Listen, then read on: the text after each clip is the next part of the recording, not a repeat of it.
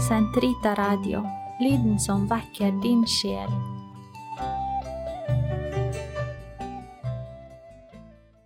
Den katolske kirkes katekisme, uke 25, lørdag, paragraf 2090 til 2092. Håpet. Når Gud åpenbarer seg og kaller på mennesket, kan det ikke fullt ut besvare den guddommelige kjærlighet av egne krefter. Det må håpe at Gud vil gi det evne til å elske ham igjen og til å etterleve kjærlighetsbudet.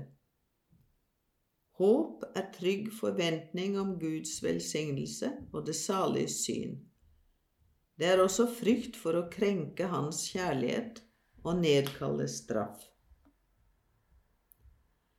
Det første bud rammer også synder mot håpet, nemlig fortvilelse og formastelse.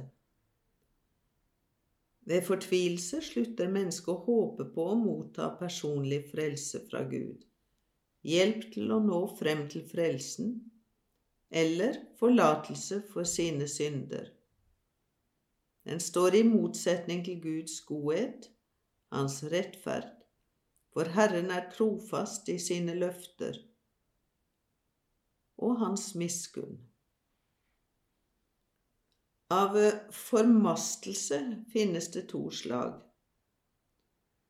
Enten overvurderer mennesket sine egne evner, det håper å kunne frelse seg selv uten hjelp ovenfra, eller det trekker for store veksler på den guddommelige allmakt og miskunn. Det håper å få tilgivelse uten omvendelse og gå inn i herligheten uten fortjenester.